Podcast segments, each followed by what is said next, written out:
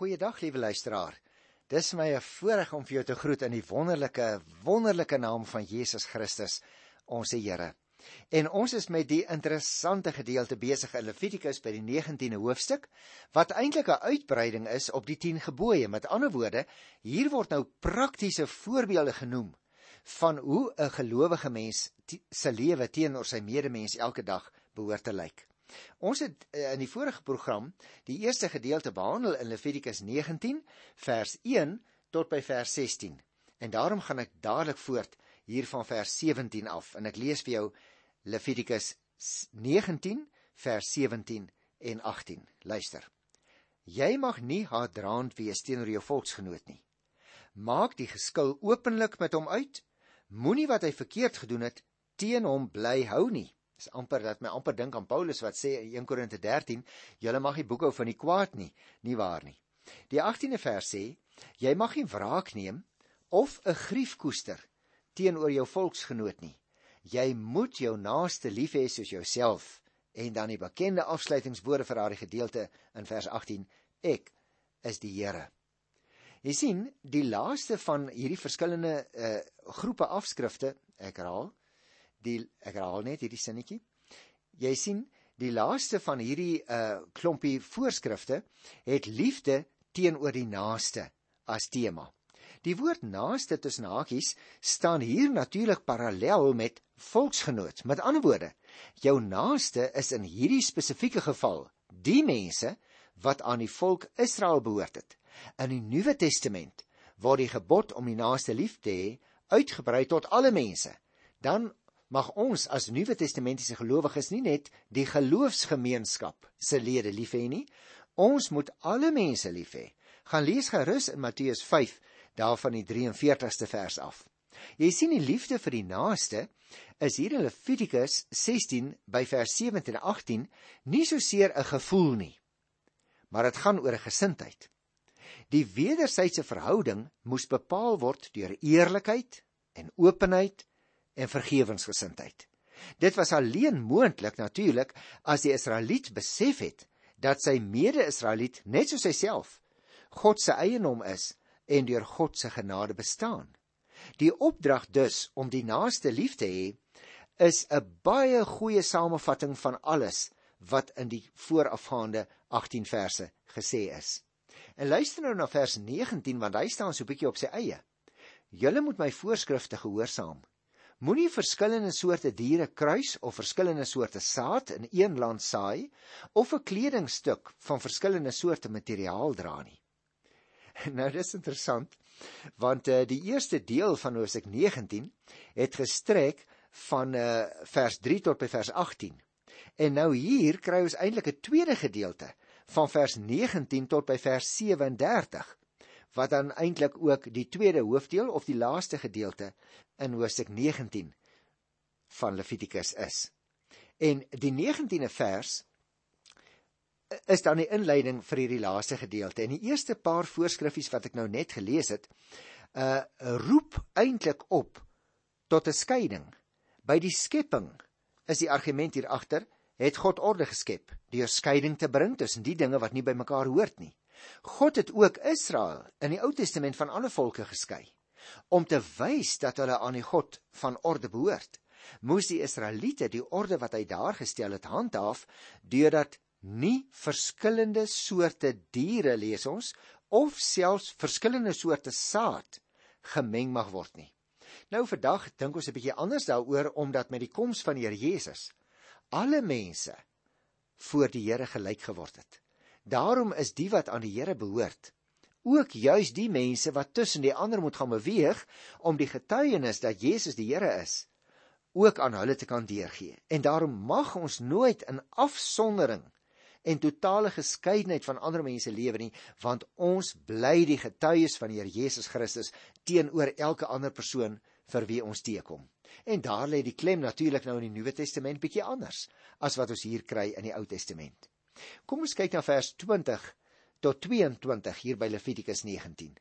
Wanneer die eienaar van 'n slavin reeds 'n ooreenkoms aangegaan het waar volgens iemand anders haar as byvrou koop en die eienaar het met haar gemeenskap voordat die prys betaal is en voordat hy van haar afstand doen, moet hy aan die toekomstige eienaar skadevergoeding betaal.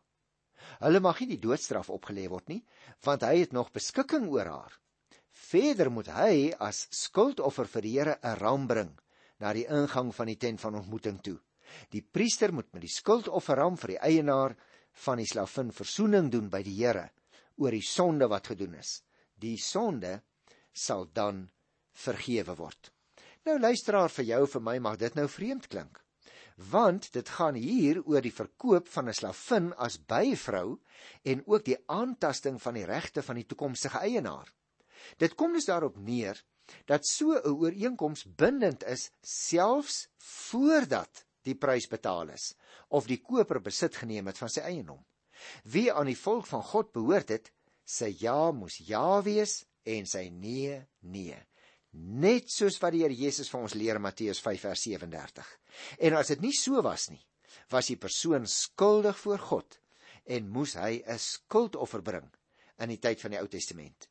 Soos dit altyd die geval is by 'n skuldoffer, moes hy natuurlik ook die skade daarbey vergoed, waarskynlik teen die koopprys plus 20%, want dit was die algemene reëling. Jy sal dit ook kry in Levitikus 6 se eerste 7 verse. Nou kom ons by vers 23 tot 25. Wanneer julle in die land vestig en allerlei soorte vrugtebome plant, mag julle 3 jaar lank glad nie die vrugte pluk nie. Die vrugte is vir julle verbode. Dit mag nie geëet word nie. Die 4de jaar moet al die vrugte as 'n gawe van dankbaarheid aan die Here gewy word.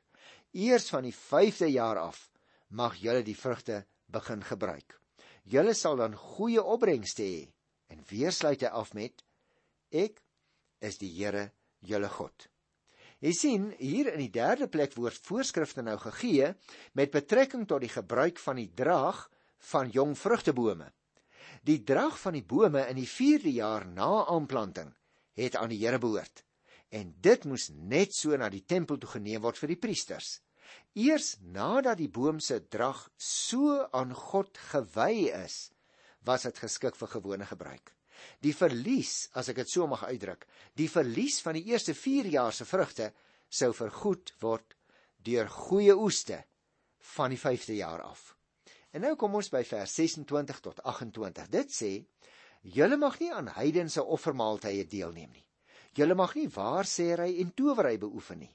Julle mag nie heidense rou gebruike navolg deur die hare van die ore en die wangbaard te knip of deur snye en tatoeëermerke op julle liggame te maak nie. En weer word gesê: Ek is die Here. Luisteraar, ek wens so amper dit het vandag nog net so konkreet gegeld nie waar nie dat mense kinders en ander ouens nie sommer net hulle vel kan belemmer deur allerlei tatoeëermerke daarop aan te bring nie. Nou hierdie groep voorskrifte het nou te doen met die nie deelname aan die heidense godsdienstige praktyke en gebruike van destyds.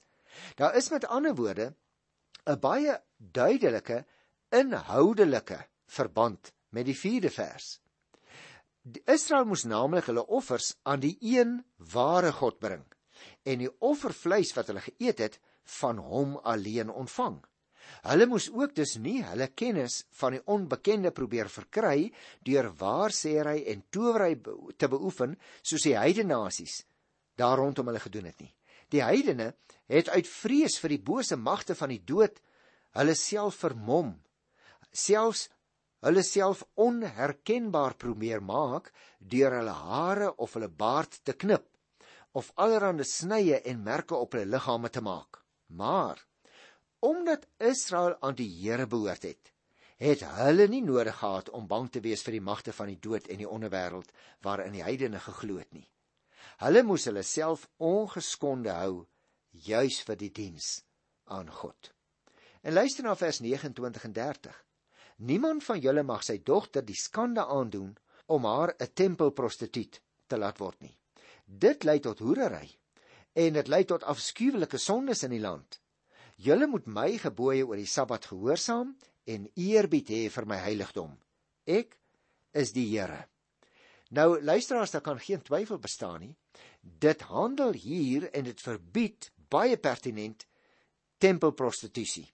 Nou ek het al vorige keer meer daaroor gepraat en verduidelik dat juis in die vrugbaarheidskultus van die Kanaaniete dit so was dat daar by hierdie tempels van die Kanaaniete tempelprostituie was. En nou word die Israeliete verbied om enige iets met sulke mense te maak te hê. Want hoekom? Hulle is vir die Here afgesonder. Wie vers 31. Dis interessant. Hier in Levitikus 19 staan so bietjie op sy eie. Luister. Uit eerbied vir God moet jy eerbied bewys aan ou mense en hulle met respek behandel. Ek is die Here. Nou wat sou die Bybel nou daarmee bedoel luisteraars? Want jy sien hierdie pert hierdie uitspraak handel pertinent oor eerbied en respek vir ou mense. Ou mense was net soos die armes en die weeskinders en die weeshuis van destyds die weerlose mense in die samelewing. En God is ook die God van die weerloses en die swakkes wat onreg wat aan daardie mense gedoen word wil straf. En daarom moes 'n mens die weerloses uit eerbied vir God staan daar reg behandel. Is dit ook nog jou instelling teenoor ouer mense? Jy sien, mens moet jou hand in eie hart steek. Luister vers 33 en 34. Wanneer daar 'n vreemdeling by julle in die land woon, mag jy hom nie onderdruk nie. Julle moet hom soos 'n medeburger behandel en hom lief hê soos julleself. Julle was immers self ook vreemdelinge in Egipte. En weer eens, ek is die Here, julle God. Die vreemdelinge luisteraars was natuurlik baie maal ook baie weerloos in die Israelitiese maatskappy van destyds, maar hulle moes net soos medeburgers behandel word staan hier. En daarmee is die gebod wat die naaste liefde net tot die eie volksgenote sou wou beperk, reeds deurbreek. Hulle mag dus nie net aan hulle eie mense goeie dinge gedoen het nie, maar hulle was verplig volgens die uitspraak van die Here om ook teenoor nie-Israeliete goeie guns te bewys elke dag.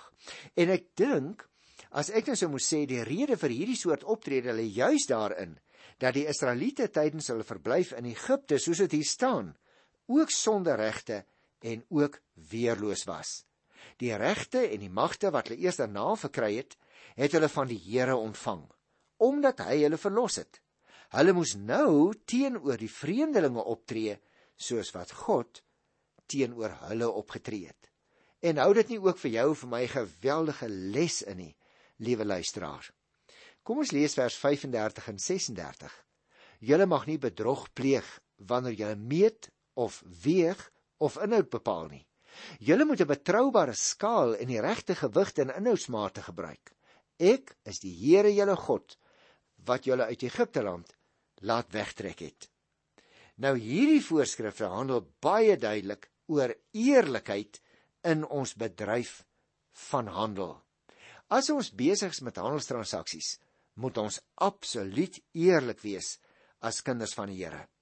Nou natuurlik, mense kan dit verstaan luisteraars, want in 'n tyd toe daar nie geëikte gewigte en standaard inhoudsmate was nie, was die versoeking natuurlik altyd groter om ligter gewigte te gebruik as 'n mens iets weeg wat jy verkoop of as jy die silwer weeg waarmee jy vir iets anders betaal en daarom hierdie spesifieke voorskrif. Ook handelsware tussen hakies en eiendom en geld was 'n gawe van die God wat sy volk uit Egipte land laat wegtrek het. God kon dit nie weer terugneem as sy volk hierdie gawes nie reg gebruik het nie. Nou let op die 37ste vers, want dit is die laaste vers in uh, Levitikus 19, hoewel die 20ste hoofstuk direk hierby aansluit. Vers 37 sê: gehoorsaam al my voorskrifte en bepalinge en leef daarvolgens. En dan weer die ou uitspraak: Ek is die Here. Nou die slagspreuk wat herhaaldelik voorgekom het in die hele hoofstuk van hoofstuk 18 af alreeds. Wees heilig, wees rein, kry ons nou ook hier. In hoe mate luisteraars is dit natuurlik die slagspreuk van die hele boek Levitikus. Dit het ek al vir u gesê. Sondige mense soos die Israeliete kon hierin alleenlik slaag deur absolute gehoorsaamheid aan die heilige God wat hulle vir homself as volk afgesonder het tussen al die ander volkere uit. En dit bring ons aan luisteraars by die 20ste hoofstuk. En ek het van tevore vir jou gesê toe ons so 'n program al wat terug begin het met hoofstuk 19 dat Levitikus 19 en 20 eintlik aan mekaar skakel. Maar ek het ook 'n kort inleiding gegee oor hoofstuk 19. En dit wil ek nou graag ook doen, ehm um, want dit is nou nog steeds verskillende voorskrifte wat handel oor die feit dat die gelowiges heilig moes lewe. Maar kom ek maak 'n paar breë opmerking vir die agtergrond van Levitikus 20. Jy sien die inhoud van Levitikus 18 van tevore word nou hier in Hoofstuk 20 in 'n groot mate eintlik maar herhaal. Dit word egter in 'n ander wetsvorm gedoen. In die plek van die direkte vorm of styl, of soos jy moet, jy mag nie, word die voorskrif vorm vir 'n bepaalde geval nou verander na indien of wanneer dit en dat dan moet jy so en so optree. Die stappe wat nou geneem moet word, uh byvoorbeeld om die verkeerde saak as dit sou opduig reg te stel of te bestraf, word ook hier genoem. Ons gaan net nou daaroor gesels. 'n Tweede interessante verskil wat 'n mens kan maak as jy ook terugkyk na Hosea 18 toe, is dat dit nie die afgode diens van die Egiptenaars en Kanaaniete is wat hier te sprake is nie, maar die van Molek waarteen hier gewaarsku word. Jy sien die Ammoniete, een van Israel se buurvolke, het kinders aan hulle afgod Molek geoffer. En dit was 'n baie baie belangrike komponent van hulle godsdiens, aangesien hulle geglo het dat hulle daardeur die toren van hulle gode sou kon afweer. Maar die Here het dit duidelik gestel dat die gebruik vir hom uit en uit 'n gruwel was. Dit was niks anders nie as moord. Dit was 'n tragiese vermorsing van mense lewens. Ook 'n ander gebruik van die Ammoniete se heidense afgodsdiens was natuurlik om by geeste en toekomsvoorspellers te gaan hulp soek. Maar nou waarsku die Here sy gelowiges ook daarteen, want die Here skiet die okkulte af.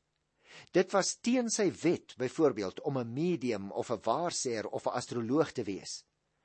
Ek het al vir jou daarvan vertel uh en verwys na Deuteronomium 18 as jy wil kan jy gerus daar gaan lees weer. Want jy sien die mense het nie hulle inligting by die Here gekry nie. En daarom het met die bose magte uh voortdurend was hulle besig om met hulle te heel. Ook die verbode seksuele verhoudings met hulle swaar strawwe moes teen hierdie agtergrond verstaan word deur die Israeliete. Hierdie wanpraktyke het natuurlik baie algemeen voorgekom onder verskillende van die heidense volkere. Daar was byvoorbeeld seksgodinne, daar was, het ek net nou ook al gesê, tempelprostituie. En allerlei verwerplike praktyke is in die naam van godsdiens bedryf. Hierdie praktyke was goddeloos en wesenlik was dit vernietigend vir die mense wat daaraan deel gehad het. Israel moes hulle self dus daarvan weerhou en hulle moes heilig lewe voor God.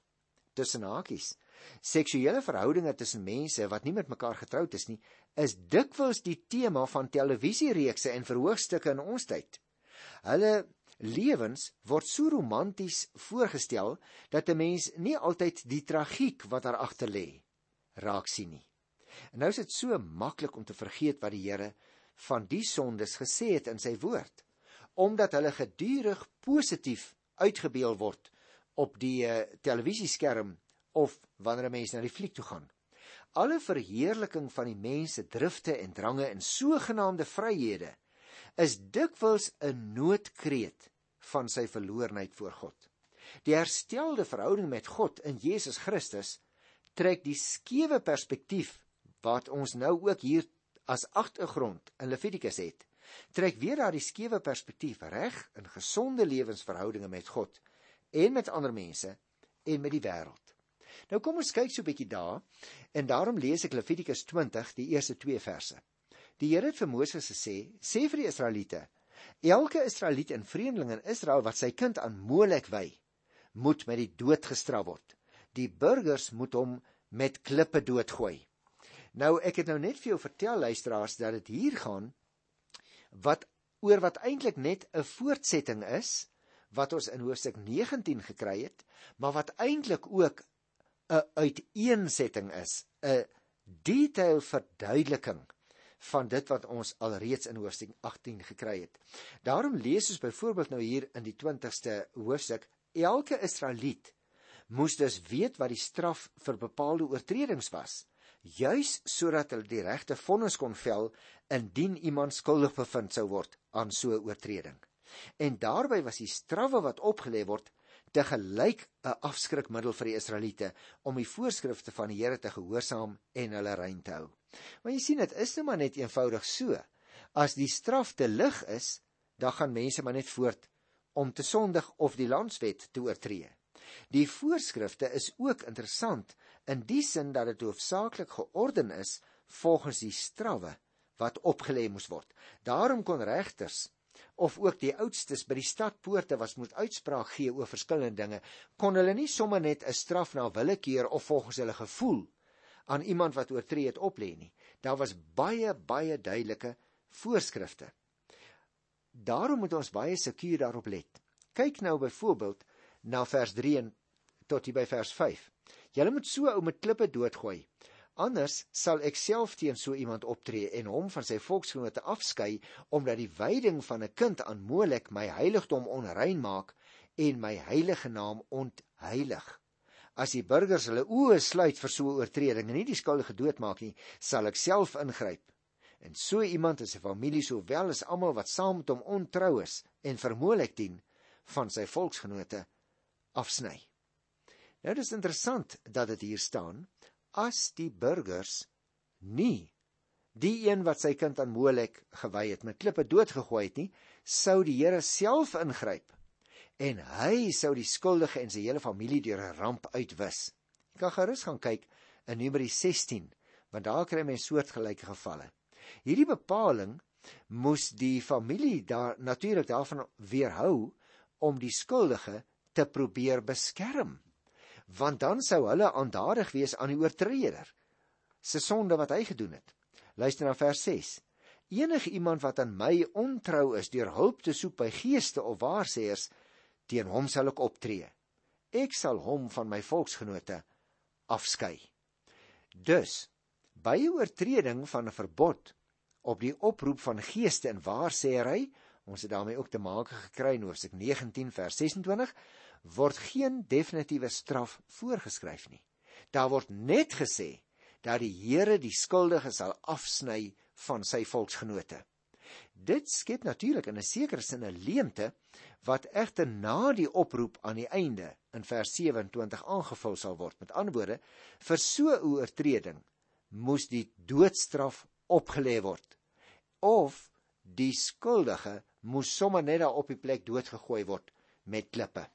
En daarom wil ek afsluit met vers 7 en 8. Wy julle aan my. Wees heilig, want ek is die Here julle God. Gehoorsaam my voorskrifte en leer daarvolgens. Ek is die Here, ek heilig julle aan my. Jy sien luisteraar, die volk moes hulle self reinig hou. Ons het daaroor gepraat so 'n program of 2 te gelede. Dit het hulle gedoen deur die voorskrifte van die Here te gehoorsaam en deur die kwaadoeners te straf.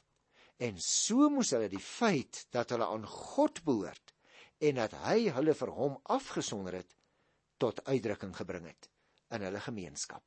En daarmee kom 'n mens dan eintlik aan die einde van die eerste deel van hoofstuk 20. Ek wil net vers 9 lees. Wanneer iemand sy pa of ma vloek, moet hy doodgemaak word. Hy het sy pa of ma gevloek en hy verdien die dood. En hierdie eerste gedeelte dan uh in die Levitikus by die 20ste hoofstuk sluit hier af by vers 9.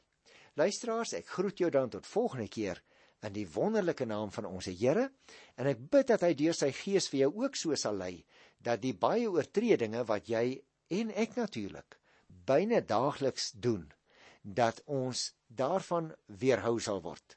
En dit wat jy en ek reeds oortree het, ag, ag sal ons nie by hernuwing vandag voor die Here Jesus buig nie. Sal ons nie ons oortredinge soos 'n bonnevuil wasgoed aan sy voete neerlê nie, want onthou, Jesus Christus het vir ons betaal vir al ons oortredinge. En as ons ons sondes bely, God is getrou en regverdig. Hy vergewe ons ons sondes. Dit is die wonderlike evangelie woord wat ons in 1 Johannes 1 by die 8ste vers kry.